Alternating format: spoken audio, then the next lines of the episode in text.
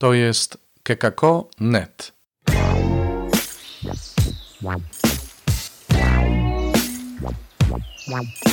Poranny suplement diety. Komentarz ojca Alvaro Gramatyka do Ewangelii według świętego Marka, rozdział 5, wersety od 21 do 43 na 13 niedzielę zwykłą 27 czerwca 2021 roku. Gdy Jezus przeprawił się z powrotem w łodzi na drugi brzeg, zebrał się wielki tłum wokół niego, a on był jeszcze nad jeziorem. Wtedy przyszedł jeden z przełożonych synagogi imieniem Jair. Gdy go ujrzał, upadł mu do nóg i prosił usilnie: Moja córeczka dogorywa, przyjdź i połóż na nią ręce, aby ocalała i żyła.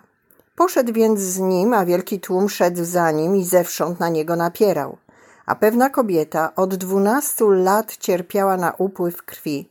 Wiele przecierpiała od różnych lekarzy i całe swe mienie wydała, a nic jej nie pomogło, lecz miała się jeszcze gorzej.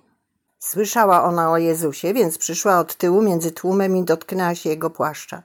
Mówiła bowiem, żebym się choć jego płaszcza dotknęła, a będę zdrowa. Zaraz też ustał jej krwotok i poczuła w ciele, że jest uzdrowiona z dolegliwości. A Jezus natychmiast uświadomił sobie, że moc wyszła od niego. Obrócił się w tłumie i zapytał: Kto się dotknął mojego płaszcza? Odpowiedzieli mu uczniowie. Widzisz, że tłum zewsząd cię ściska, a pytasz, kto się mnie dotknął. On jednak rozglądał się, by ujrzeć tę, która to uczyniła. Wtedy kobieta przyszła zalękniona i drżąca, gdyż wiedziała, co się z nią stało. Upadła przed nim i wyznała mu całą prawdę. On zaś rzekł do niej: Córko, twoja wiara cię ocaliła. Idź w pokoju i bądź uzdrowiona ze swej dolegliwości.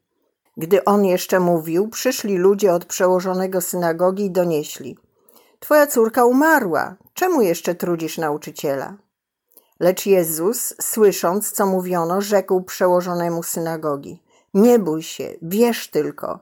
I nie pozwolił nikomu iść z sobą, z wyjątkiem Piotra, Jakuba i Jana, brata Jakubowego. Tak przyszli do domu przełożonego synagogi. Wobec zamieszania, płaczu i głośnego zawodzenia wszedł i rzekł do nich: Czemu robicie zgiełki, płaczecie? Dziecko nie umarło, tylko śpi. I wyśmiewali go, lecz on odsunął wszystkich, wziął z sobą tylko ojca, matkę dziecka oraz tych, którzy z nim byli, i wszedł tam, gdzie dziecko leżało. Ująwszy dziewczynkę za rękę, rzekł do niej: Talita kum, to znaczy, dziewczynko, mówię ci, wstań.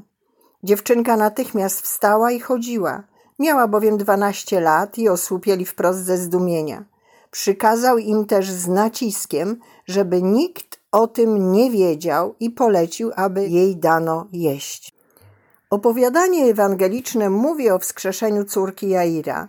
Gdy Jezus idzie do domu przełożonego synagogi, po drodze jakaś kobieta dotyka jego płaszcza i zostaje uzdrowiona po dwunastu latach utraty krwi. Była kobietą nieczystą, która w tłumie podchodzi od tyłu i dotyka płaszcza Jezusa, przekonana, że zostanie uzdrowiona. I tak się stało. Jest to spotkanie między osobą, która powoli i nieustannie traci życie, którego symbolem jest krew, a źródłem pełnego życia Jezusem. Utrata życia zostaje wstrzymana. To wydarzenie jest wstępem do tego, co następuje potem, a mianowicie jest kolejne spotkanie między osobą, która definitywnie straciła życie, a Jezusem. Od stopniowego tracenia życia przechodzimy do sytuacji, w której życia już nie ma. Spontanicznie pojawia się pytanie, które wypowiedzieli ludzie od przełożonego synagogi. Twoja córka umarła, czemu jeszcze trudzisz nauczyciela? W pierwszym przypadku utraty krwi po ludzku była jeszcze nadzieja na wyzdrowienie, ale w obliczu śmierci dziecka, jakie może być rozwiązanie? Czy nadal istnieje potrzeba spotkania się z Jezusem, skoro nic więcej nie można już zrobić?